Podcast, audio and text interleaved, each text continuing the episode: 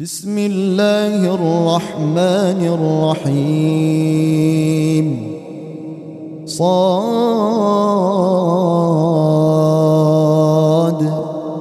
والقرآن ذي الذكر. بل الذين كفروا في عزة وشقاق. كم أهلكنا من قبلهم قرن فنادوا ولا تحين مناص. وعجبوا أن جاءهم منذر منهم. وقال الكافرون هذا ساحر كذاب. أجعل الآلهة إلها واحدا. إن هذا لشيء عجاب. وانطلق الملأ منهم أن امشوا واصبروا على آلهتكم. إن هذا لشيء يراد. ما سمعنا بهذا في الملة الآخرة إن هذا إلا اختلاق. أأنزل عليه الذكر من بيننا. بل هم في شك من ذكري بل لما يذوقوا عذاب. أم عندهم خزائن رحمة ربك العزيز الوهاب. أم لهم ملك السماوات والأرض وما بينهما فليرتقوا في الأسباب جند ما هنالك مهزوم من الأحزاب كذبت قبلهم قوم نوح وعاد وفرعون ذو الأوتاد وثمود وقوم عنها إلا هالك.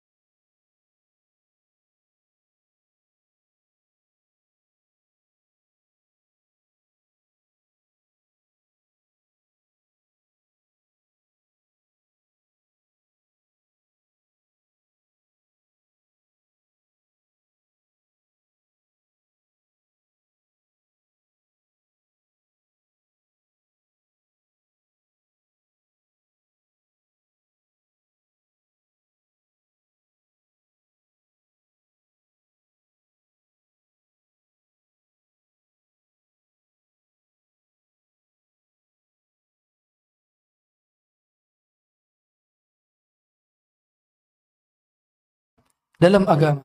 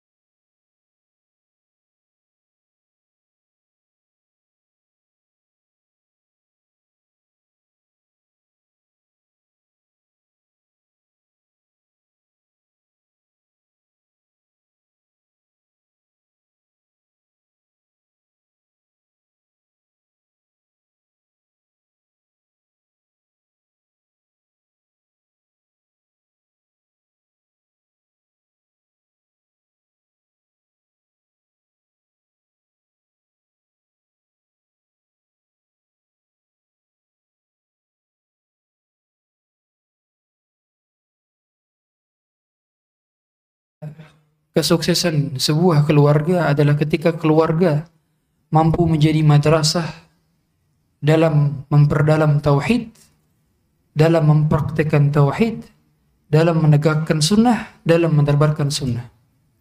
Dua, karena dua inilah yang menjadi pilar penting bagi suksesnya keluarga. Suksesnya keluarga bukan diukur dari banyaknya anggota keluarga atau dari tingkat pendidikan keluarga atau dari banyaknya sukses materi dalam keluarga. Tapi kesuksesan itu mampu terrealisasikan ketika setiap anggota keluarga menyadari bahwa fondasi terpenting dalam membangun keluarga adalah tauhid kepadanya. Karena inti dari dakwah Nabi dan Rasul pun adalah dakwah tauhid. Sebagaimana kata Rasulullah SAW, al-anbiya ikhwatun li'allat. Para nabi semuanya satu saudara. Dinuhum wahid wa ummahatuhum syatta. Agamanya satu tapi ibundanya berbeda-beda. Agamanya satu yakni agama tauhid. Semua agama Nabi Rasul adalah agama Islam. Agama Islam. Wa ummahatuhum syatta. Akan tetapi ibundanya berbeda-beda. Maksud daripada ibundanya berbeda-beda adalah syariatnya berbeda-beda.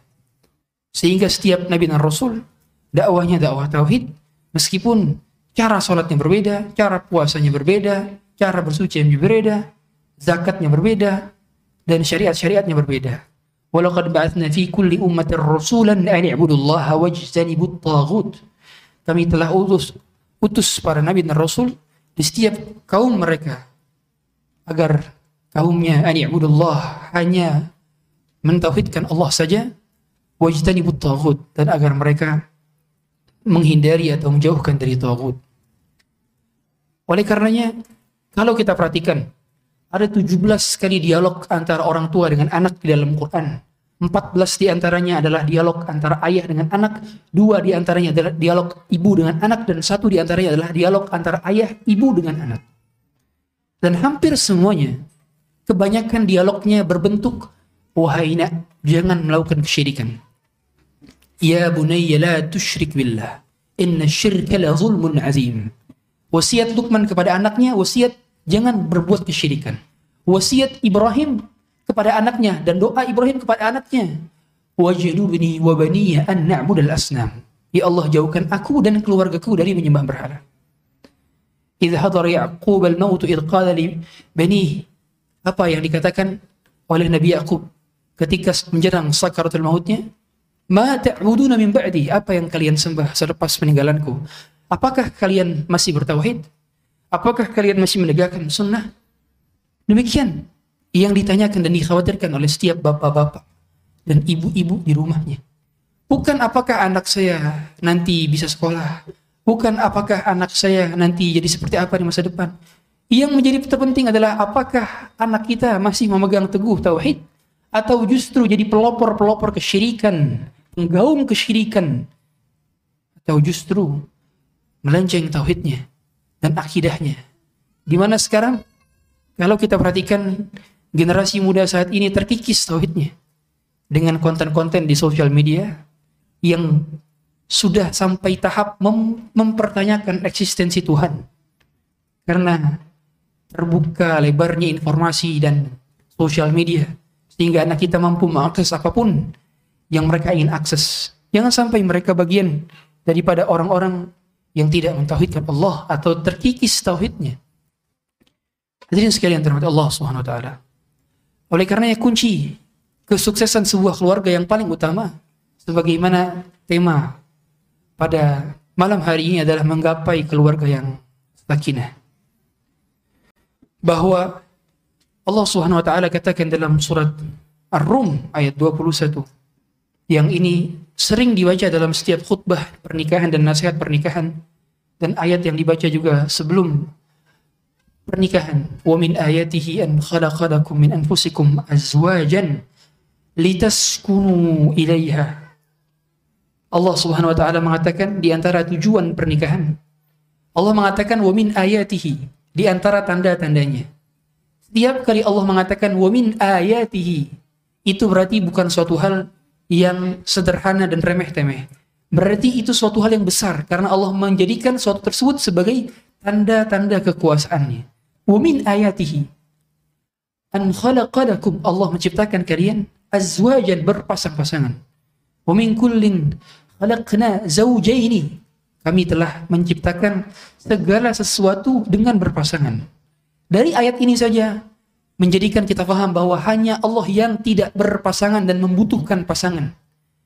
Dari ayat ini turun cabang keilmuan bahwa segala sesuatu hal baik yang terkecil maupun terbesar maka itu memiliki pasangan kecuali Allah Subhanahu wa taala. Sampai-sampai unsur terkecil dalam makhluk hidup yang bernama atom ketika diteliti bahwa unsur atom itu saja ada neutron dan proton. Tidak satu. Berarti yang terkecil pun punya pasangan. Makanya berpasangan adalah sebuah sunnatullah dan fitrah yang menjadikan bahwa dialah yang tidak punya pasangan dan tidak butuh kepada pasangan. Dialah al-wahid, dialah al-ahad, Dialah satu-satunya yang tidak butuh kepada siapa pun dan segalanya butuh kepadanya. As-samad maknanya adalah segala hal butuh kepadanya dan dia tidak butuh kepada selainnya. Maka wajar saja kita ciptakan berpasangan. Min anfusikum. Kata Allah, kami ciptakan dari dari diri kalian. Hawa diciptakan bukan dari berbeda jenis spesies, tapi diciptakan dari tulang rusuk Nabi Adam yang bengkok. Berarti memang pada dasarnya kita adalah satu makhluk yang memang Allah menciptakan tapi dengan karakter yang berbeda. Litas kunu ilayya. Di sini di antara Allah mengatakan litas kunu. Lam di sini adalah lamu ta'lil yang menunjukkan alasan. Mengapa Allah menciptakan kita berpasangan? Tujuannya adalah di antaranya litas kunu ilaiha agar kita merasa tenang, sakinah. Sakinah merasa ketenangan, merasa kerinduan. Pada dasarnya, mengapa laki-laki diciptakan akalnya lebih dominan dibandingkan perasaannya dan perempuan diciptakan lebih dominan perasaan dibandingkan akalnya? Karena memang laki-laki butuh sensitivitas rasa dari perempuan. Kita tahu semua, laki-laki sejantan dan setangguh Rasulullah SAW. Muhammad SAW ketika melihat makhluk yang besar yang sayapnya menutupi ufuk barat dan ufuk timur. Gemetaran tubuhnya, menggigil badannya ketika pulang ke rumah. Apa yang dicari oleh Rasulullah SAW? Selimut yang dipakaikan oleh istrinya. Memang pada dasarnya laki-laki sejantan apa pun dia, dia akan tunduk kepada rasa halus dari seorang perempuan. Makanya kata Rasulullah, zammiluni, zammiluni. Segagah apa pun di luar rumah, maka dia akan takluk dengan perasaan lembutnya wanita. Oleh karenanya memang fitrahnya wanita, perasaannya dominan dibandingkan akal. Ini memang suatu keharusan. Dan laki-laki akalnya lebih dominan dibanding perasaan ini suatu keharusan. Tujuannya memang agar memang perempuan butuh dibina dan dibimbing agar perasaannya dikontrol oleh akal dari laki-laki. Sehingga keduanya mengkomplementarikan. Jadi dua-duanya saling melengkapi. Sehingga sangat salah sekali kalau perempuan dijadikan sebagai pemimpin. Oleh karenanya di dalam agama kita perempuan tidak boleh menjadi hakim. Bukan karena perempuan tidak dapat adil. Bukan karena perempuan berlaku zalim karena kezaliman juga bisa dilakukan laki-laki, keadilan juga bisa dilakukan perempuan. Kezaliman bisa dilakukan perempuan, bisa dilakukan laki-laki, keadilan bisa dilakukan perempuan, bisa dilakukan laki-laki. Tapi mengapa perempuan tidak boleh dijadikan sebagai hakim dalam agama kita? Dikarenakan khawatir terkikis perasaannya. Oleh karenanya ketika perempuan berada di luar rumah, lebih sering di luar rumah dibandingkan di rumahnya, maka sangat rentan sekali sensitivitasnya akan berkurang ketika dia bersama anak-anaknya. Padahal anak-anaknya membentukkan sentuhan hangat dan pelukan kasih sayang dari ibunya. Wahai ibu yang saat ini menjadi ibunda sosialita yang bekerja di luar rumah, pulanglah. Ada raja dan permaisuri yang merindukan pendidikanmu. Pulanglah. Jangan sampai yang pertama kali memeluk anakmu ketika menangis adalah pembantunya, bukan dirimu pulanglah. Jangan sampai yang menyeka air mata dari anakmu adalah neneknya, bukan dirimu. Pulanglah. Sebelum terlambat, pulanglah. Banyakkan waktu dengan anak, karena di situlah kunci sakinah dari keluarga. Ketenangan dibangun di atas kasih sayang yang Allah curahkan. Allah menurunkan rahmat dan kasih sayangnya ke bumi ini satu. Sedangkan Allah persiapkan rahmat 99-nya di surga. Di antara rahmat yang paling besar adalah rahmat dari ibu kepada anaknya. Makanya ketika ada seorang wanita yang mencari anaknya di tengah pasukan, ke mana anaknya? Dia cari anaknya. Ketika dia mendapatkannya, dia peluk. Kemudian para sahabat bersama Rasulullah menyaksikan pemandangan semacam ini. Rasulullah mengatakan, mungkinkah ibu ini melemparkan anaknya ke dalam api? Kata para sahabat, tidak mungkin ya Rasulullah. Bagaimana mungkin dia melemparkan anaknya sendiri yang baru saja hilang dan dia temukan ke dalam api sedangkan dia mampu untuk tidak melakukannya. Ketahuilah, Allah lebih sayang kepada hambanya melebihi kasih sayang ibu kepada anaknya.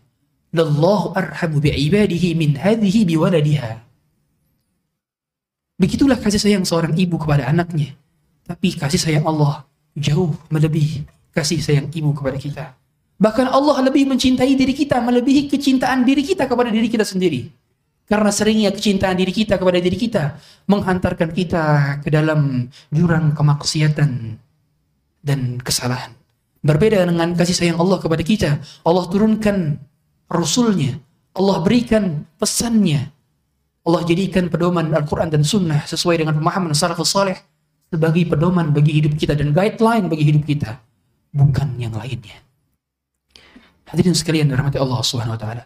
Oleh karena itu kunci dan pilar pertama menghadirkan litas kunu ilaiha adalah dengan tauhid. Tauhid. Bukan dengan yang lainnya. Salah kalau kita mengatakan menghadirkan sakinah dengan cara ikut kelas parenting sebanyak-banyaknya. Ikut seminar ini sebanyak-banyaknya. Kalau pondasi tauhidnya tidak pernah dibicarakan oleh para materi berarti hilang daripada keseluruhan materi. Karena inti daripada ilmu adalah ilmu tauhid. Semua ilmu berkhidmat kepada satu ilmu itu ilmu tauhid. Ketika anak masih takut dengan hal-hal yang tidak perlu ditakuti berarti tauhidnya masih salah. Dan sering kali orang tualah yang mengajarkan kesyirikan kepada anaknya. Anak bersama orang tua nonton film horor. Rusak tauhidnya. Ketika dikatakan jangan ke situ, situ gelap. Anak berarti sedang mengajarkan bahwa di tempat kegelapan ada keseraman. Berarti sedang mengajarkan suatu hal yang mengikis nilai-nilai tauhid. Ketika jatuh kena meja, mejanya yang disalahin. Padahal harusnya dia mengajarkan tauhid. Nah, sesungguhnya kau jatuh, ini sudah takdir Allah. Nanti lain kali hati-hati. Begitu. Harusnya penanaman tauhid ini sudah dilakukan di dalam keluarga. Oleh karenanya, Ketika anak meminta sesuatu, nak minta kepada Allah. Sebelum minta kepada ayah dan bunda, minta kepada Allah. Karena Allah yang berikan. Nanti anak tersebut sudah paham bahwa permintaan yang mengabulkannya adalah Allah. Ketika sudah mendapatkan apa yang dia minta, misalkan, misalkan dia minta es krim, ya Allah, saya minta es krim. Dia berdoa depan kita, kita belikan es krim, kemudian ini nak, Allah menitipkan es krim kepada abah, kepada ayah untuk diberikan kepadamu. Karena kamu tadi telah berdoa. Nanti berdoa lagi ya sama Allah. Begitu dikaitkan segalanya dengan Allah. Pun begitu ketika kita melarang dan menyuruh, maka kaitkan, nak jangan Allah larang. Nak jangan Rasulullah larang. Nak lakukan Rasulullah perintahkan. Nak lakukan Allah perintahkan. Sehingga segala hal peraturan, perintah dan larangan harus beriringan dengan perintah Allah dan Rasulnya. Dengan larangan Allah dan larangan Rasulnya. Bukan nak jangan ayah larang. Nak jangan ibu larang. Kapan melibatkan Allahnya? Sedangkan yang menciptakan Anda dan anak Anda adalah Allah. Yang mengurusi Anda dan anak Anda adalah Allah. Yang mengawasi Anda dan anak Anda adalah Allah. Kita tidak bersama anak kita 24 jam. Tapi ayah, tapi Allah bersama anak kita 24 jam. Sehingga wajar saja nasihat yang disampaikan Rasulullah SAW kepada Abdullah bin Abbas yang masih berumur 10 tahun ketika berjumpa dengan Nabi SAW. Nabi faham bahwa perjumpaan Nabi dengan para sahabatnya tidak lama. Nabi faham bahwa Nabi keberadaannya tidak selalu bersama para sahabat. Oleh karena itu pesan-pesan yang ditinggalkan Nabi kepada para sahabat adalah pesan-pesan yang powerful. Pesan-pesan yang menghujam jiwa dan menggetarkan dada. Apa pesan-pesan yang dilakukan oleh Rasulullah SAW kepada anak kecil berumur 10 tahun. Ketika Abdullah bin Abbas diboncengi Rasulullah SAW kuntu radifan Nabi sallallahu alaihi wasallam. Aku diboncengi Nabi sallallahu alaihi wasallam di belakang di atas bighal. Jadi hewan yang paling tawaduk di zaman tersebut adalah hewan keledai. Hewan keledai. Maka Rasulullah mengatakan ya gulam inni u'allimuka kalimat. Wahai nak Rasulullah dengan panggilan yang paling sopan kepada anak kecil. Wahai nak, nak, ini u'allimuka kalimat. Aku akan ajarkan kepadamu berapa perkataan. Ihfazillahi yahfazka. Jagalah Allah, Allah akan menjagamu. Anak ini faham bahwa maksud daripada menjaga Allah adalah menjaga syariatnya. Cerdasnya Abdullah bin Abbas. Jagalah Allah, Allah akan menjagamu. Allah menjagamu dari segala macam hal-hal yang membahayakan. Ihfazillahi tajid tujahak. Jagalah Allah, engkau akan dapati Allah berada di depanmu. Maksud daripada Allah berada di depanmu maksudnya adalah Allah akan selalu menolongmu kapanpun kamu membutuhkannya. Wa'alam أن الأمة لو اجتمعت على أن يضروك بشيء لم يضروك بشيء إلا قد كتبه الله لك وإن اجتمعوا على أن ينفعوك أو يضرك بشيء لم يضرك بشيء إلا قد كتبه الله عليك ketahuilah nak kalau seandainya seluruh bumi berusaha untuk mencelakaimu, berusaha untuk memberikan manfaatmu, tidak akan sampai kupu. Wah, berarti ada tamu. Kamu jangan di depan pintu, nanti jodohnya susah. Tatoyur. Ini sebuah kesyirikan. Atau masih-masihnya membaca zodiak. Atau masih-masihnya nonton video paranormal dukun di YouTube. Sekarang ini Dukun-dukun itu pada punya YouTube, Pak. Iya. Jadi YouTuber. Ada subscribernya lagi. Maka jangan sampai anak-anak kita dan keluarga kita mengakses informasi dari mereka-mereka ini. Maka kesaran saya kalau ngelihat channel YouTube yang ada paranormalnya atau dukunnya, jangan ditonton. Karena kalau ditonton nantinya akan naik engagementnya. Kita kasih tombol dislike saja itu bisa naik engagementnya.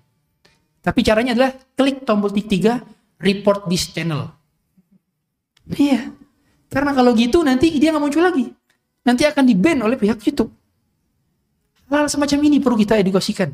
Agar jangan sampai generasi kita rusak tauhidnya. Karena sebelum kita bicarakan peradaban, kemudian kemakmuran, kesejahteraan, benahi dulu tauhidnya. Karena tauhid adalah pondasi dasar keluarga yang beriman. Nabi Ibrahim khawatir kepada anaknya. Jangan sampai menyembah berhala. Padahal dengan tangan beliau lah beliau yang menghancurkan Ka'bah yang, yang menghancurkan berhala-berhala di sekitar Ka'bah dengan beliau. Beliau yang mengembalikan pondasi Ka'bah.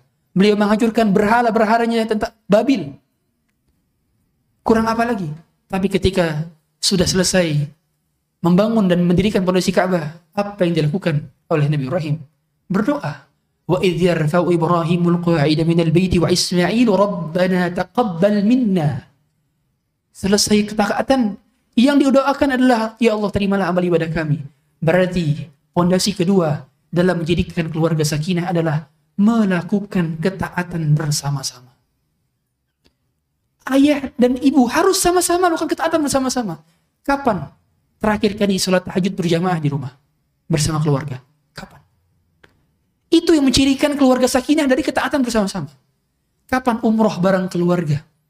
Kapan dengar kajian bareng keluarga?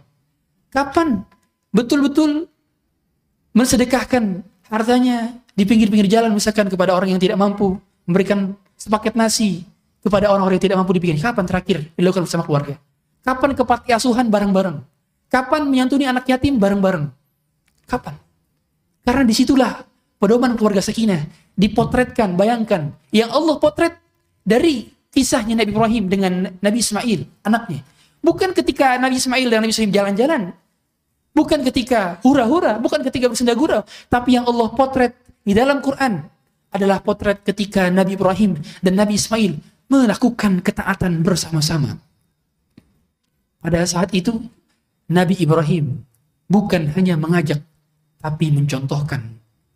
Wahai para ayah dan bunda, Jadilah contoh, jangan hanya menceritakan contoh. Jadilah teladan, jangan hanya menceritakan teladan. Jadilah dikagumi, jangan hanya mengagumkan orang lain, tapi betul-betullah dikagumi. Oleh karenanya, biasanya keluarga yang sakinah adalah keluarga yang terus bersama-sama dalam melakukan ketaatan. Dan setiap ada kemungkaran, terus diingatkan, tidak didiamkan.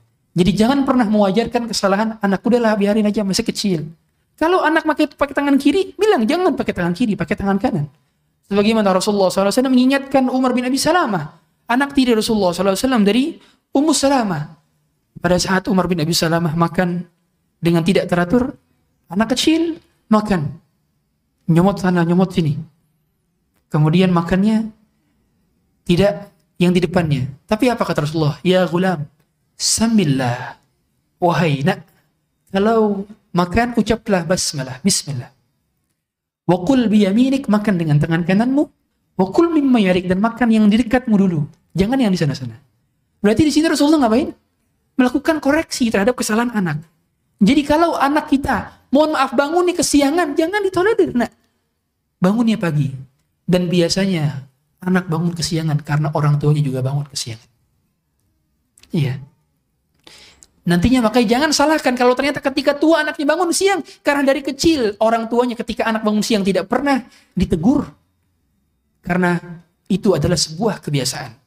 Bapak ibu sekalian. Coba bapak ibu sekalian. Hitung abjad A, B, C, D, E, F, G, H, I, J, K, L, M, N, O, P, Q, R, S, sampai Z. Bisa. Tapi coba dibalik. Z, Y, X, coba dibalik. Sampai A. Bisa lancar ya? Gak bisa. Gak bisa lancar. Kenapa gak bisa? Karena kita tidak terbiasa. Pun begitu, anak-anak kita tidak akan terdidik menjadi generasi bertauhid, generasi tangguh, yang imannya tangguh, tidak ikut-ikut tren TikTok joget-joget. Kalau dari kecilnya dibiasakan keimanan oleh orang tuanya, maka jangan sampai kita menyerahkan sepenuhnya pendidikan kepada sekolah. Indonesia ini salah satu negara menurut Global Parenting Index, International Global Parenting, negara yang paling bergantung kepada sekolah setelah India. Kenapa bergantung kepada sekolah? Karena yang penting sekolahnya bagus, orang tuanya nggak bagus nggak masalah. Ini sebuah kekeliruan. Padahal sekolah itu penunjang saja. Inti dari pendidikan itu di mana? Di rumahnya. Kita tahu al-ummu madrasatul ula. Ibu adalah sekolah pertama bagi anak. Wal abu mudiruha dan ayah adalah manajernya dan kepala sekolahnya. Jadi jangan lupa, jangan terbatas sampai situ. Iya betul, ibunda adalah sekolah pertama bagi anak. Tapi jangan sampai lupa bahwa para ayah adalah kepala sekolah di rumahnya. Maka ketika seorang kepala sekolah ngapain tugasnya? Memanage, manajerial. Buat timetable waktu. Kapan anak boleh bermain, kapan anak harus belajar, kapan keluarga harus sholat berjamaah, kapan keluarga harus puasa sunnah, ada jadwalnya, kapan keluarga ketika di rumah tidak boleh ada yang megang handphone, semuanya harus pegang mushaf. Buat peraturan di rumah, dan itu dari bapaknya. Dan ibunya yang mendidik langsung menjadi frontliner karena dia paling banyak berinteraksi dengan. Maka jangan pernah kita lupakan bagaimana potret Quran menggambarkan keluarga. An, keluarga Imran. Tidak ada surat Al Muhammad, tidak ada surat Al Ibrahim, tidak ada surat Al Nuh, Al Lut, tidak ada. Yang ada Al Imran. Al itu artinya keluarga. Keluarga Imran satu-satunya surat yang dijadikan nama suratnya adalah nama keluarga adalah Al Imran. Padahal Imran bukan nabi. Imran bukan nabi. Keluarga Nabi Muhammad istrinya soleh soleha, anaknya soleh soleha. Tapi mengapa tidak ada surat Al Muhammad? Kenapa yang bukan nabi justru menjadi nama keluarga dijadikan nama surat? Mengapa? Karena ada istimewaan dalam keluarganya Imran. Imran punya istri namanya Hanna. Hanna punya anak namanya Maryam. Maryam punya anak namanya Isa. Ini istri, anak, cucu, semuanya soleh dan soleha. Padahal Imran itu meninggal dunia pada saat Maryam lahir. Jadi Maryam itu anak yatim. Makanya mengurusnya siapa? Zakaria. Wa kaffadaha Zakaria. Yang mengurusi Zakaria. Pamannya. Sehingga mengapa bisa kok bisa tumbuh wanita pribadi solehah. Satu-satunya nama perempuan yang disebutkan secara eksplisit dalam Quran hanya Maryam. Gak ada nama perempuan. Khadijah tidak disebutkan dalam Quran secara eksplisit. Aisyah, Asia tidak disebutkan. Namanya secara eksplisit. Tidak. Hanya Maryam saja. Nama sahabat yang disebutkan secara eksplisit dalam Quran siapa? Yang tahu? Zaid. Zaid bin Harithah. Abu Bakar tidak disebutkan. Umar tidak disebutkan. Yang disebutkan secara eksplisit disebut Zaid falamma qala Zaidu minha wataran zawwajnakaha di dalam surat Al-Ahzab. Tapi nama perempuan yang disebutkan dalam Quran dan dijadikan nama surat adalah Maryam. Mengapa? Imran bisa mendidik, bisa menghasilkan anak seperti Maryam padahal beliau tidak hadir ketika proses pendidikan Maryam. Kenapa? Dikarenakan Imran mampu mendidik istrinya untuk melakukan ketaatan, mentauhidkan Allah sehingga bekas daripada pendidikan Imran kepada istrinya mampu mengajarkan sosok mulia seperti Maryam ibnatu Imran. Makanya kalau kita lihat di dalam surat Tahrim, dalam surat Tahrim ini menyebutkan empat potret keluarga. Ada suami yang soleh banget, tapi istrinya nggak soleh banget. Yaitu siapa? Keluarganya siapa? Nabi Nuh dan keluarganya Nabi Lut. Ya, Nabi Lut. وضرب الله مثل الذين آمنوا مرأة فرعون وضرب الله مثل الذين كفروا مرأة نوح ومرأة لوط ya. dua yang satu lagi ada istrinya solehah banget suaminya tidak soleh siapa Asia وضرب الله مثل الذين آمنوا مرأة فرعون idh rabbi bin li fil jannati wa itu doanya Aisyah. Yaitu istrinya soleh banget suami tidak soleh. Ada satu lagi. Keluarga yang suaminya soleh istrinya soleh anaknya soleh cucunya soleh. Siapa? Imran. Yaitu keluarganya Maryam. Wa Maryam binti Imran allati ahsanat farjaha. Empat langsung disebutkan potret bagaimana keluarga. Kalau suaminya soleh istrinya soleh maka kemungkinan besar anaknya pun ikut soleh. Meskipun keturunan pada dasarnya tidak bisa ada yang memastikan kecuali Allah saja. Karena pada dasarnya Nabi Nuh bukan kurang soleh Nabi Nuh. Nabi Nuh soleh.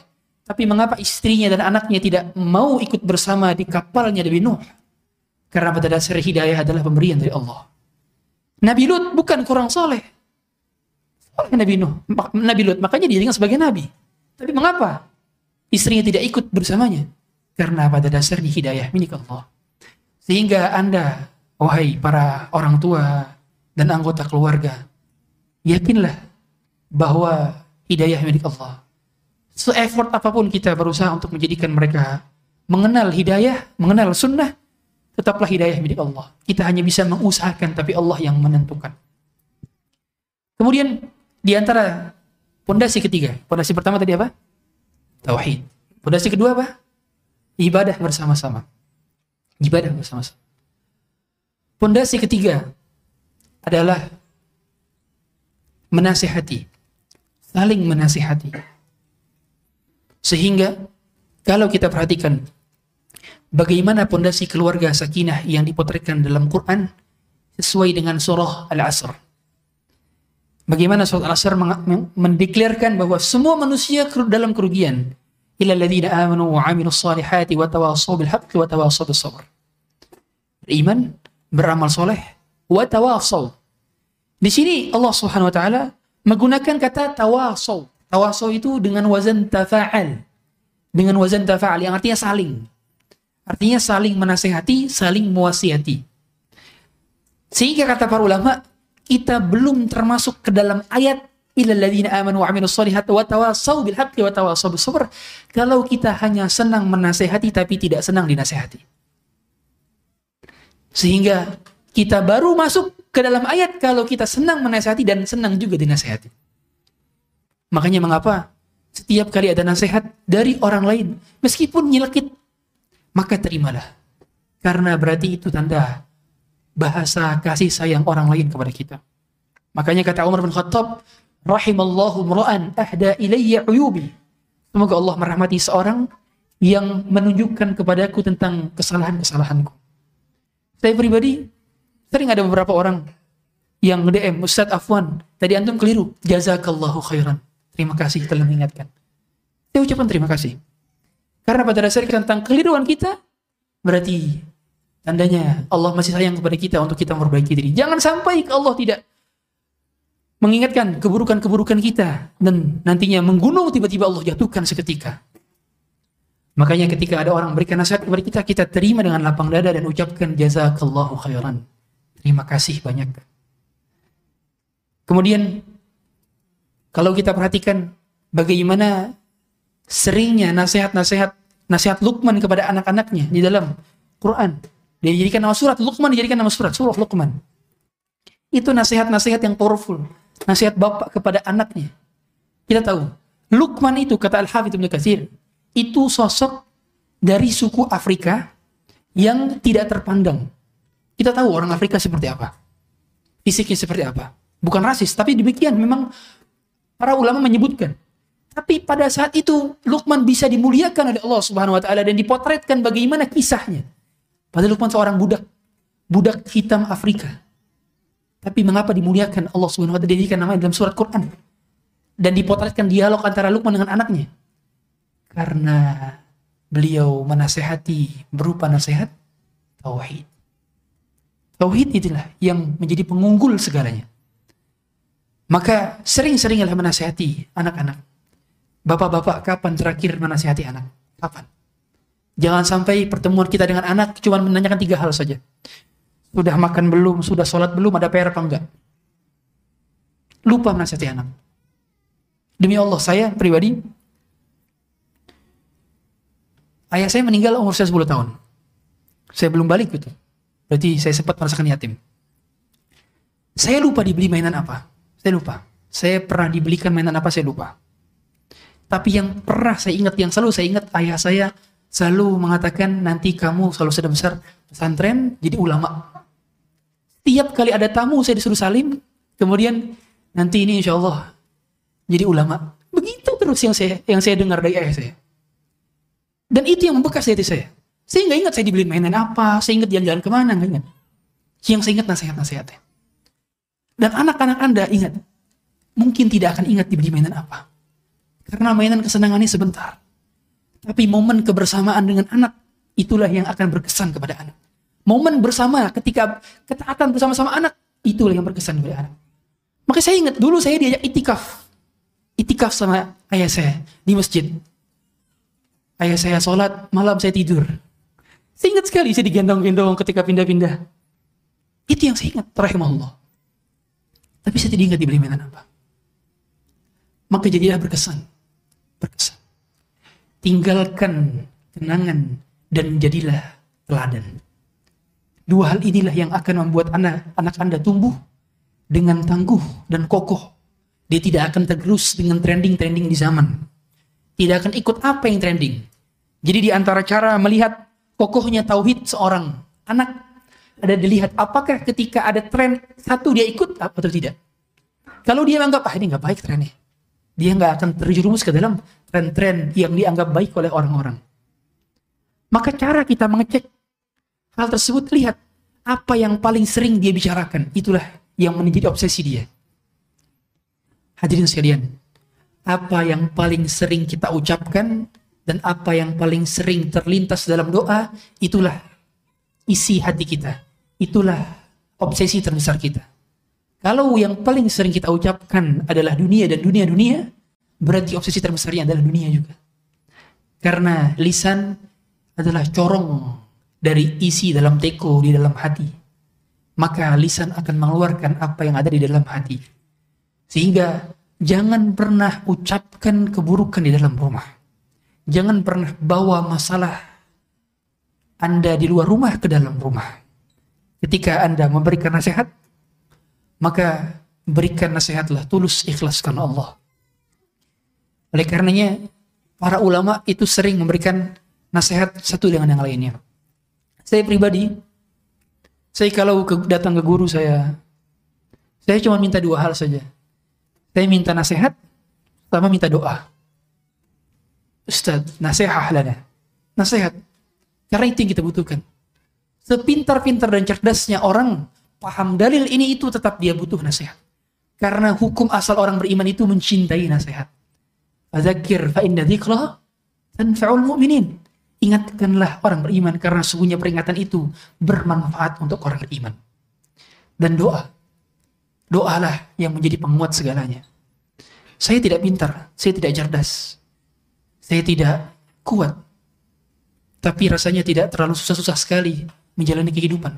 Saya yakin setelah fadilah Allah yang membuat saya berat sampai sekarang adalah doa-doa orang tua yang tidak ada henti-hentinya. Maka pondasi keempat yang paling penting adalah saling mendoakan. Saling mendoakan. Keluarga sakinah dibangun di atas saling mendoakan. Kapan terakhir mendoakan anak, orang tua, kakak, adik? Itu kunci pondasi sakinah. Betul kita diperintahkan untuk berdoa orang tua betul, tapi jangan lupa pasangan pun butuh doa kita. Ustaz, apakah doa pasangannya sampai sampai? Semua doa kaum muslimin kepada muslimin lain itu sampai. Ini salah disalahpahami oleh orang. Dikiranya hanya doa anak kepada orang tua saja yang sampai. Tidak. Saya mendoakan Anda, Anda mendoakan saya. Insya Allah sampai. Makanya mengapa para ulama menuliskan di dalam kitab-kitab mereka, Ghafarallahu lahu wa liwalidayhi. Semoga Allah ampuni dia dan juga orang tuanya. Mengapa? Supaya setiap orang yang baca kitab-kitab para ulama mendoakan si penulis dan orang tua si penulis.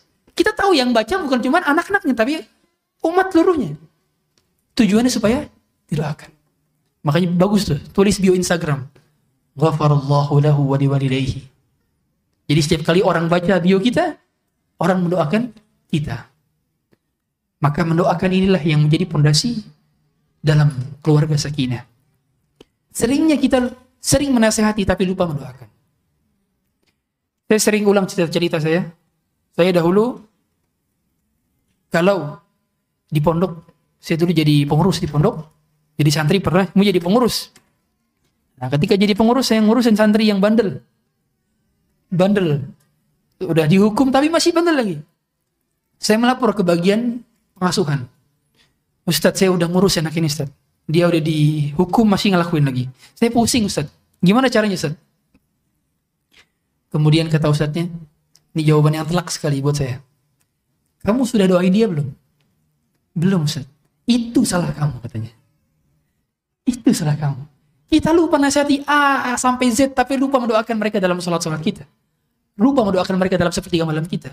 Oh betapa tulusnya doa seorang guru ketika dalam sholat-sholat dan sepertiga malam terakhirnya dia tahajud kemudian dia mendoakan ya Allah jadikanlah murid-muridku murid yang soleh dan solehah.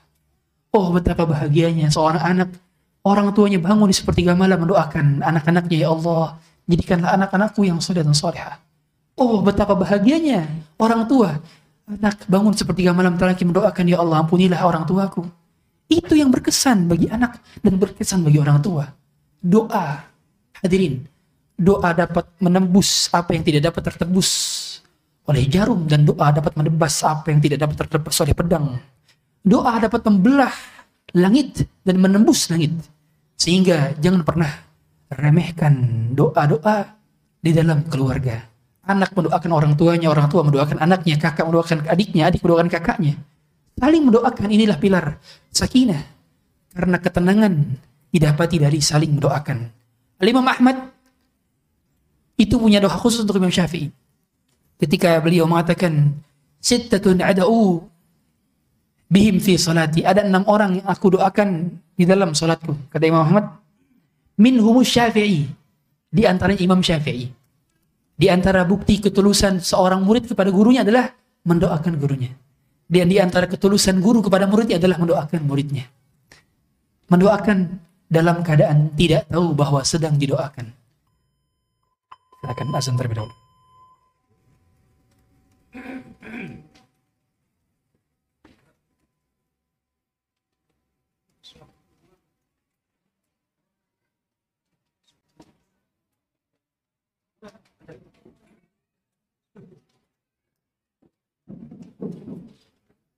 Allah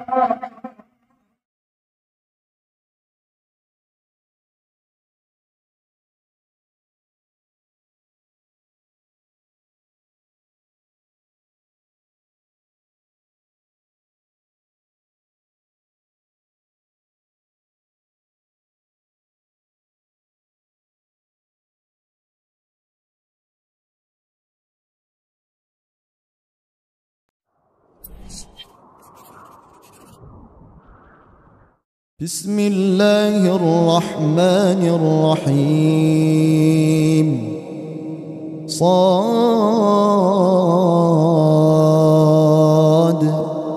والقرآن ذي الذكر. بل الذين كفروا في عزة وشقاق.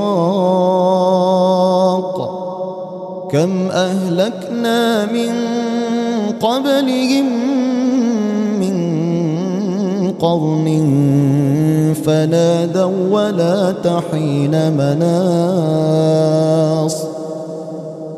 وعجبوا أن جاءهم منذر منهم وقال الكافرون هذا ساحر كذاب أجعل الآلهة إلها واحدا. إن هذا لشيء عجاب. وانطلق الملأ منهم أن امشوا واصبروا على آلهتكم. إن هذا لشيء يراد ما سمعنا بهذا في الملة الآخرة إن هذا إلا اختلاق أأنزل عليه الذكر من بيننا بل هم في شك من ذكري. بل لما يذوقوا عذاب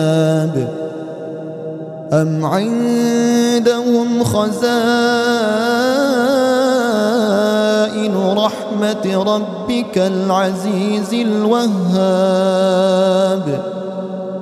أم لهم ملك السماوات والأرض وما بينهما فليرتقوا في الأسباب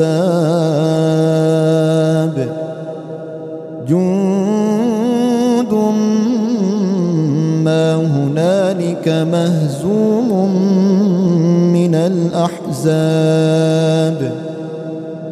كذبت قبلهم قوم نوح وعاد وفرعون ذو الأوتاد وثمود وقوم لوط وأصحاب الأيكة أولئك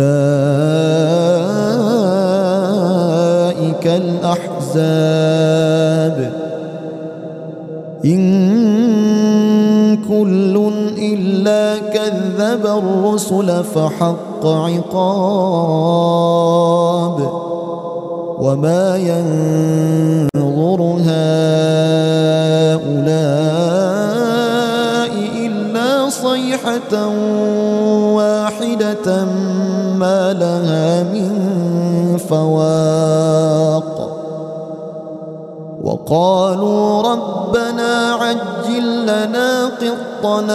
قبل يوم الحساب. اصبر على ما يقولون واذكر عبدنا داود ذا الأيد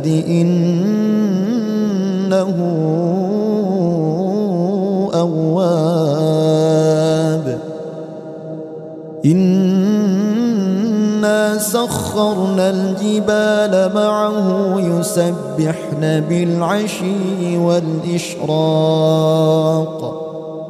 والطير محشورة كل له أواب وشددنا ملكه وآتيناه الحكمة وفصل الخطاب وهل أتاك نبأ الخصم إذ تسوروا المحراب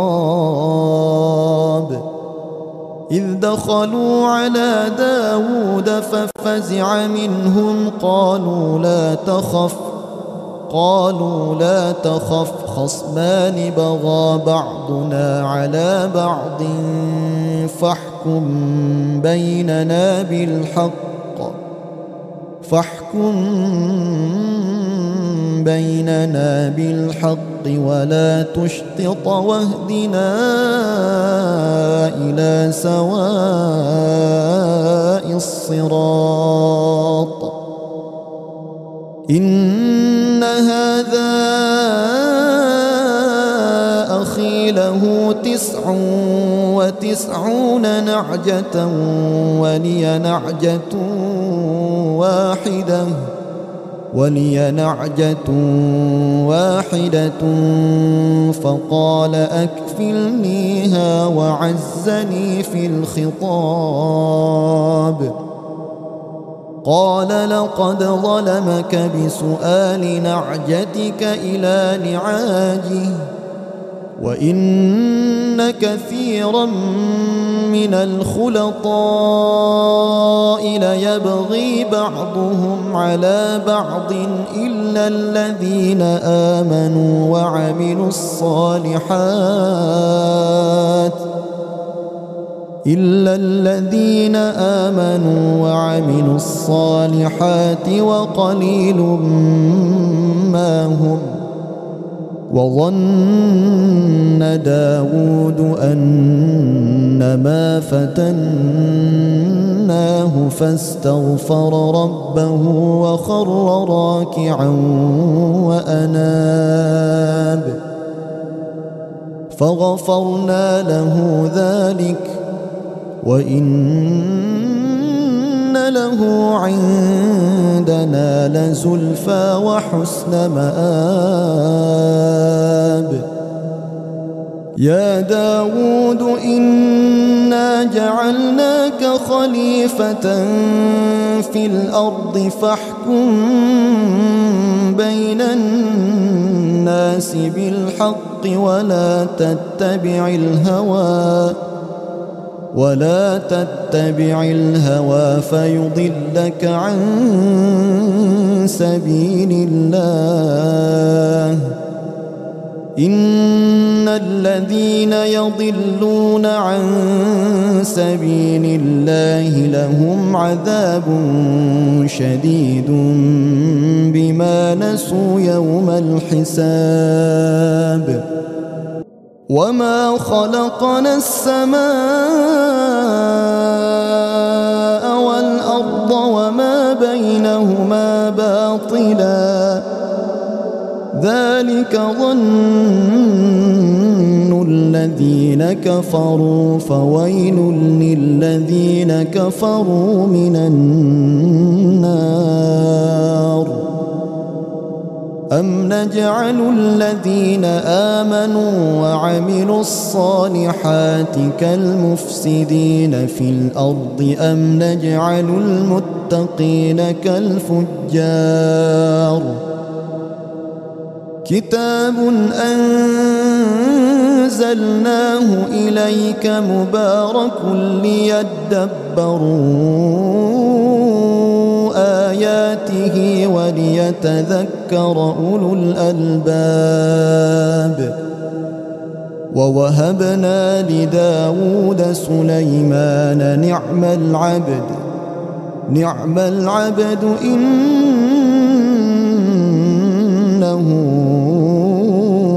أواب.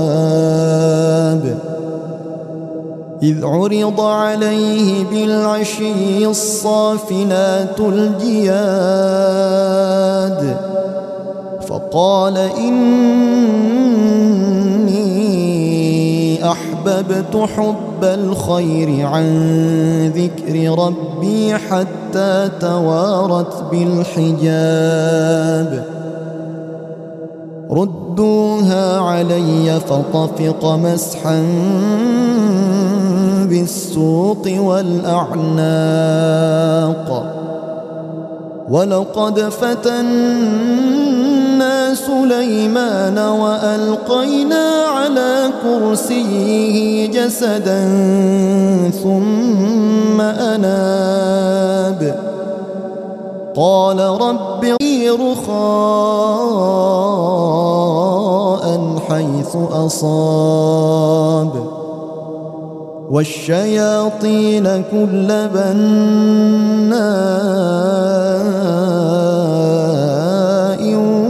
وغواص. وآخرين مقرنين في الأصفاد. هذا عطاؤنا فامنن أو أمسك. بغير حساب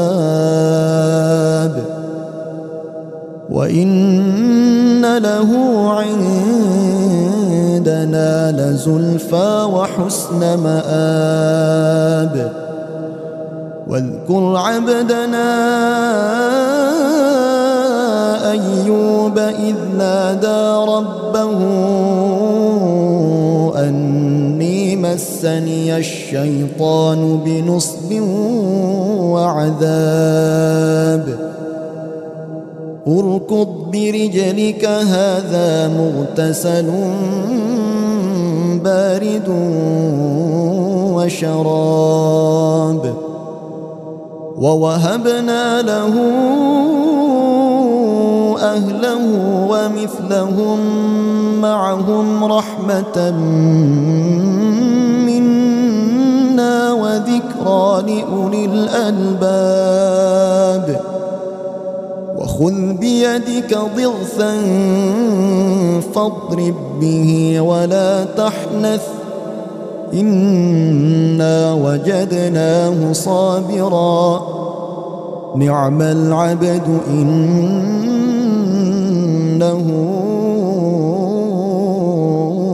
أواب. واذكر عبادنا إبراهيم وإسحاق ويعقوب أولي الأيدي والأبصار إنا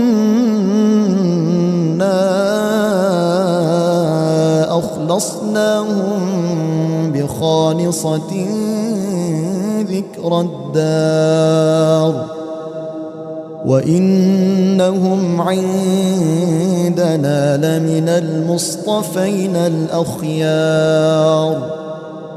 واذكر إسماعيل واليسع وذا الكفل وكل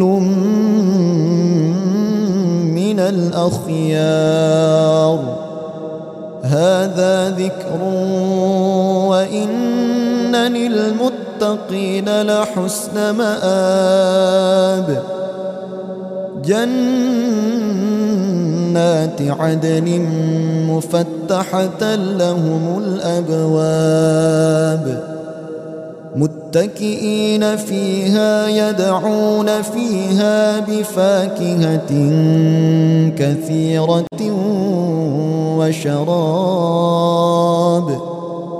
وعندهم قاصرات الطرف أتراب. هذا ما توعدون ليوم الحساب. إن هذا لرزقنا ما له من نفاد. هذا وإن للطاغين لشر مآب. جهنم يصلونها فبئس المهاد. هذا فليذوقوه حميم وغساق. وآخر من شكله أزواج. هذا فوج مقتحم معكم لا مرحبا بهم إنهم صالوا النار. قالوا بل مرحبا بكم. أنتم قدمتموه لنا فبئس القرار. قالوا ربنا من قدم لنا هذا فزده عذابا ضعفا في النار. وقالوا ما لنا لا نرى رجالا كنا نعدهم من الأشرار. أتخذناهم سخريا أم زاغت عنهم الأبصار؟ إن ذلك لحق تخاصم أهل النار. قل إنما أنا منذر وما من إله إلا الله الواحد القهار. رب السماوات والأرض وما بينهما العزيز الغفار. قل هو نبأ عظيم أنتم عنه معرضون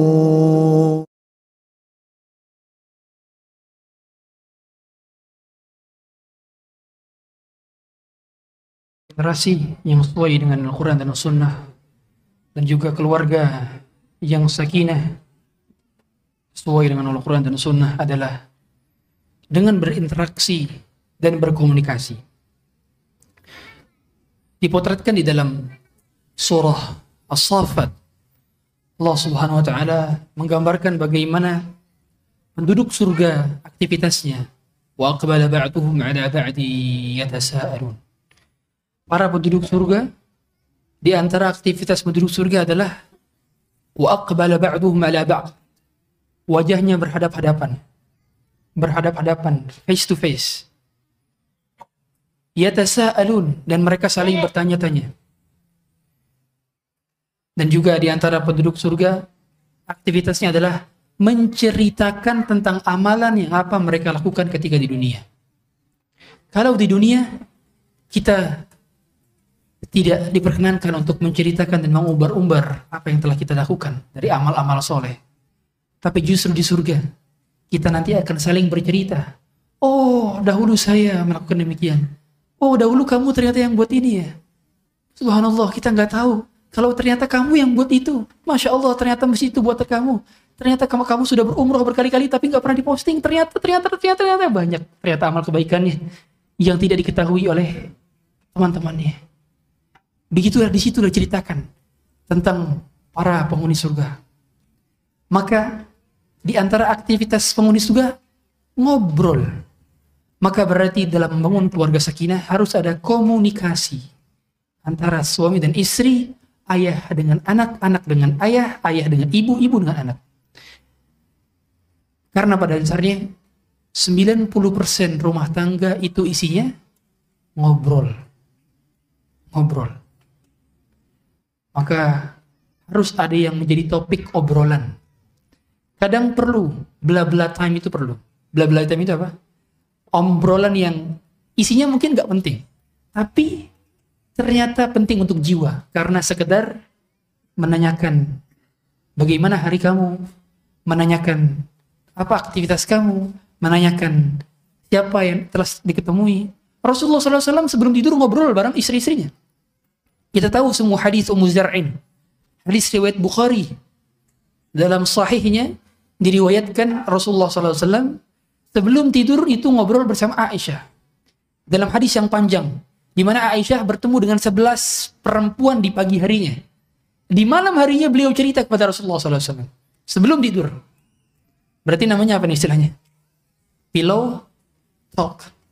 Sebelum tidur berarti Rasulullah pillow talk sama Aisyah. Dan itu Aisyah cerita kepada Rasulullah tentang bagaimana satu persatu wanita yang ditemui di setiap di hari tersebut. Sampai sebelas. Sebelas wanita yang satu menceritakan tentang begini suaminya, begini, begini surat kepada Aisyah. Ini ibarat kata ini apa? Istrinya ustadz. Ya. Tentu kalau istrinya ustadz lebih enak menerima curhatan daripada curhat ke langsung ke ustadznya kan gitu kira-kira. Nah, ini para wanita curhat ke Aisyah. Pada saat itu Aisyah menam, memberikan lagi cerita tersebut kepada Rasulullah SAW.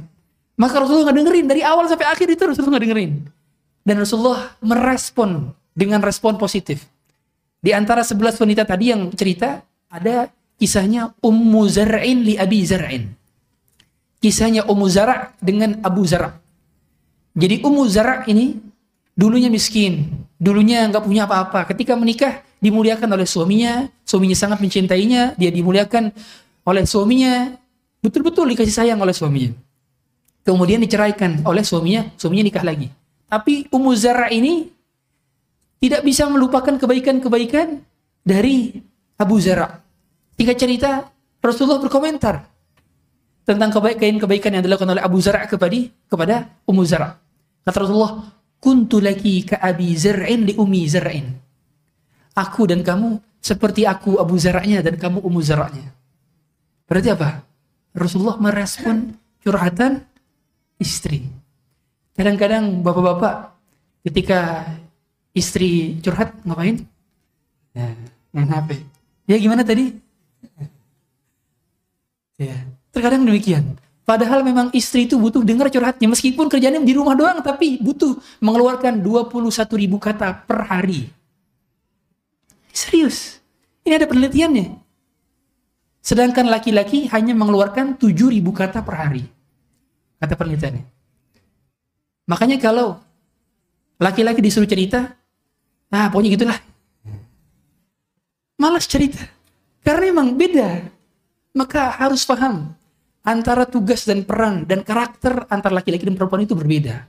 Allah mengatakan demikian di dalam Quran. Laki-laki dan perempuan itu tidaklah sama. Sehingga untuk mengetahui porsi masing-masing harus tahu juga sifat karakter pasangannya. Dan ada ngobrol di dalam rumahnya. Terkhusus kepada anak. Jadi kalau anak juga butuh diajak ngobrol dan diajak tentang hal-hal yang obrolan yang menurut dia mengasyikan. Jangan pertanyaan kita punya template terus. Udah makan belum? Udah sholat belum? Ada PR apa enggak? Tiga pertanyaan kita berputar sini tiap ketemu anak. Padahal anak juga butuh ditanya, bagaimana teman-temannya di sekolah? Bagaimana aktivitas sekolah? Gimana teman kamu yang kemarin sakit ya? Udah kamu jenguk belum? Hmm. Eh, gimana itu? Kamu aktivitas sekolah? Ngapain aja? Oh, tadi aku main futsal Abi. Aku tadinya mau li golin 5-0, eh gawangnya dipindahin sama teman aku. Cerita dia biarin, cerita. Jadi ada hal-hal yang menyenangkan. Karena pada dasarnya mengapa anak-anak kita lebih senang gadget dibandingkan kita? Karena barangkali kita tidak menyenangkan. Dia lebih senang ngelihat Upin Ipin dan Koko Melon dibandingkan wajah dan bapak ibunya. Maka mengobrol lah, mengobrol. Makanya juga selain mengobrol, Makanya mulai sekarang kalau anak lagi nangis, jangan dibiasakan, mohon maaf, sekali Bapak Ibu sekalian. Nih nangis. Disuruh nonton HP kalau nangis. Supaya diem.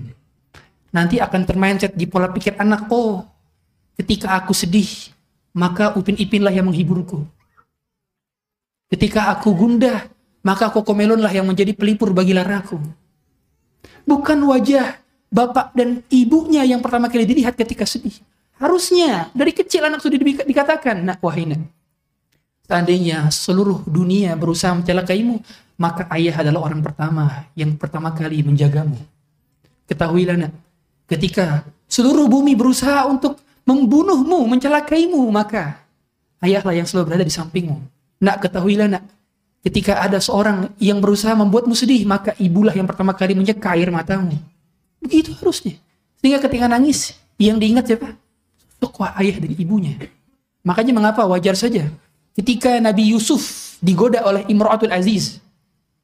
Pada saat Nabi Yusuf digoda oleh Imratul Aziz, hal yang membuat Nabi Yusuf tidak jadi atau tidak melakukan perbuatan nista dan zina adalah karena melihat ayahnya, membayangkan ayahnya. Falamma ra'a burhana rabbih. Itu dalam surat Yusuf. ketika dia melihat tanda Tuhannya. Kata para al-hafidz Ibnu Katsir dijelaskan maksud daripada tanda bukti nyata Tuhannya adalah melihat sosok ayahnya. Di bayangannya terlihat, oh ayah saya telah menasihati begini, maka saya tidak mau bermaksiat. Karena barangkali maksiat saya berpengaruh kepada Maryam dituduh berzina. Dituduh berzina oleh kaumnya. Apa yang dikatakan? Dikatakan oleh kaum, Ya ukhta Harun, ma kana abuki mra'a sawi wa ma kanat ummuki baghiya. Wahai saudarinya Harun. Ini Harun maksudnya apa? Bukan Harun yang saudaranya Musa, beda, beda. Jadi memang dalam penamaan Bani Israel itu banyak nama-nama yang sama. Contoh, Musa itu bapaknya siapa? Imron juga. Musa bin Imron. Tapi Musa tidak saudara-saudara dengan Mar Maryam. Beda. Pun begitu, saudaranya Musa Harun. Saudaranya Maryam juga Harun. Tapi Harun yang ada di, zaman Musa beda dengan Harun yang ada di zaman Maryam. Paham ya? Mereka mengapa? Karena penamaan mereka itu mengikuti penamaan orang-orang soleh terdahulu. Sama seperti kita, kita memberi nama Muhammad. Berharap agar laki seperti Nabi Muhammad SAW. Kita beri nama Ibrahim dan seterusnya. Nama orang soleh terdahulu. Maka di, dikatakan ya ukhta Harun, bukan dengan Maryam, tapi ya ukhta Harun, wahai saudaranya Harun. Kenapa? Diingatkan, hei Maryam, kamu kan saudaranya Harun yang soleh itu. Makana abuka, makana abuka imra'asauin. Ayahmu bukan orang yang buruk dan ibumu bukan seorang pelacur. Sehingga menurut Bani Israel pada saat itu apa? Mustahil ada wanita yang buruk keluar dari keluarga yang baik-baik. Nah, jadi biasanya orang buruk itu datangnya dari keluarga yang buruk juga pendidikannya. Di Bani zaman Bani Israel udah seperti itu. Sehingga mereka paham bahwa kalau wanita yang berbuat baik, pasti juga keluarganya baik-baik. Mereka berpikir demikian. Maka pun demikian. Karena buah tidak akan jauh jatuhnya dari pohonnya. Maka di dalam keluarga, hadirin sekalian, kita harus membangun komunikasi. Jangan sampai di keluarga diam-diaman. Rasulullah saja berkomunikasi dengan Aisyah. Apa yang Rasulullah pertama kali sampaikan ketika bertemu dengan istri-istrinya? Biasanya Rasulullah itu aktivitas hariannya, beliau sholat subuh berjamaah, kemudian beliau setelah itu berhalak. Jadi kajian Rasulullah seringnya apa? Kapan? Ba'da subuh. Ba'da subuh. Sebagaimana hadis Al-Aribad bin Sariyah dalam hadis Arba'in Nawawiyah. Wa'adana Rasulullah sallallahu alaihi wasallam maw'idhatan wajilat minha al-qulub wa zarifat minha al-uyun. Rasulullah pernah menasihati kepada kami di satu pagi yang membuat hati kami bergetar dan air keluar dari mata kami. Itu pada saat subuh. Memang yang hadir pada saat subuh itu orang-orang pilihan. Makanya kajian yang lebih berkesan itu pada subuh. Nah, Rasulullah pada subuh, setelah pada subuh, Rasulullah ngisi pengajian, kemudian ngapain? Salat syuruk. Salat syuruk. Setelah salat syuruk, beliau pulang ke istrinya. Beliau datang dengan suami terbaik, dengan senyum sapanya, dengan ramah peluknya. Dan biasanya beliau menanyakan apa? Kalau menanyakan ke istrinya apa? Hal indakum syai? Adakah makanan? Nah, yang nanyain makanan. Syai itu sesuatu yang sederhana. Jadi hakir, sesuatu hal yang apa saja lah gitu kira-kira. Jadi Rasulullah SAW itu masalah makanan itu sederhana. Jadi nggak, mohon maaf, nggak rewel bahasa kita. Karena syai di situ adalah sebutan untuk suatu hal yang tidak definitif. Kalau bahasa Arab ini adalah ismun nakirah, indefinitif. Sehingga ketika Rasulullah bertanya, Rasulullah bertanya, apa aja deh nggak apa-apa gitu makanan. Jadi beda dengan sarapan kita kita. Pokoknya tiap pagi punya nasi uduk. Tiap pagi pokoknya nasi uduk Pak Haji Oman. Pokoknya mau nasi uduk. Tapi tidak dengan Rasulullah, sederhana makannya. Kalau ada, beliau makan. Kalau tidak ada, beliau puasa. Sederhana. Berarti ada komunikasi ini jalin. Jangan sampai kita serumah tapi tidak sejiwa. Jangan sampai satu atap tapi tidak pernah bertegur sapa. Ya, sampai-sampai kalau mau nanya udah makan apa belum aja WA. Dalam satu rumah. Udah makan belum? Udah. Ini makan lagi di download. Subhanallah. Makan aja lagi. Padahal satu rumah satu atap. Apa susahnya ketok pintu kamar nanya? Ya. Sekarang nanya kunci saja pakai WA kan. Satu rumah padahal. Subhanallah. Nggak ketemu. Makanya kalau saya pribadi, saya berusaha meskipun saya apa kegiatannya kebanyakan di luar. Ya. Ini kebanyakan kalau ini mobil jadi rumah kedua saya. Baju di situ subhanallah. Karena lebih banyak di luar. Tapi saya usahakan ada satu hari di mana saya makan di rumah. Entah itu sarapan atau makan malam. Karena di masa satu hari itu bisa makan sambil ngobrol. Jadi emang sunahnya kalau makan apa? ngobrol kalau di agama kita. Ya. Beda dengan orang-orang Jepang itu kalau makan gak boleh ngobrol katanya. Kalau kita makan disuruh ngobrol, ngobrol. Di situlah intimate kuat antara ayah dengan ibu, anak dengan bapaknya, sehingga menanyakan apa aktivitas rumahnya. Harus sempatkan ada waktu jam makan bersama di rumah. Kalau kita tidak bisa makan 24 jam, tiga kali makan dalam sehari, minimal kalau pas puasa, sahur bareng, buka bareng. Tempatkan ada ketaatan bersama-sama. Puasa sunnah bareng ya. Ke masjid bareng ikut kajian bareng haji umroh bareng. Beginilah ketaatan-ketaatan yang bersama sehingga mereka paham bahwa keluarga memang harus membutuhkan ketaatan bersama-sama dan pondasi tauhid itu adalah pondasi yang terpenting dalam generasi tangguh dalam keluarga. Demikian mungkin dapat kami sampaikan. Apabila ada yang ingin didiskusikan kami persilahkan. Allah taala alam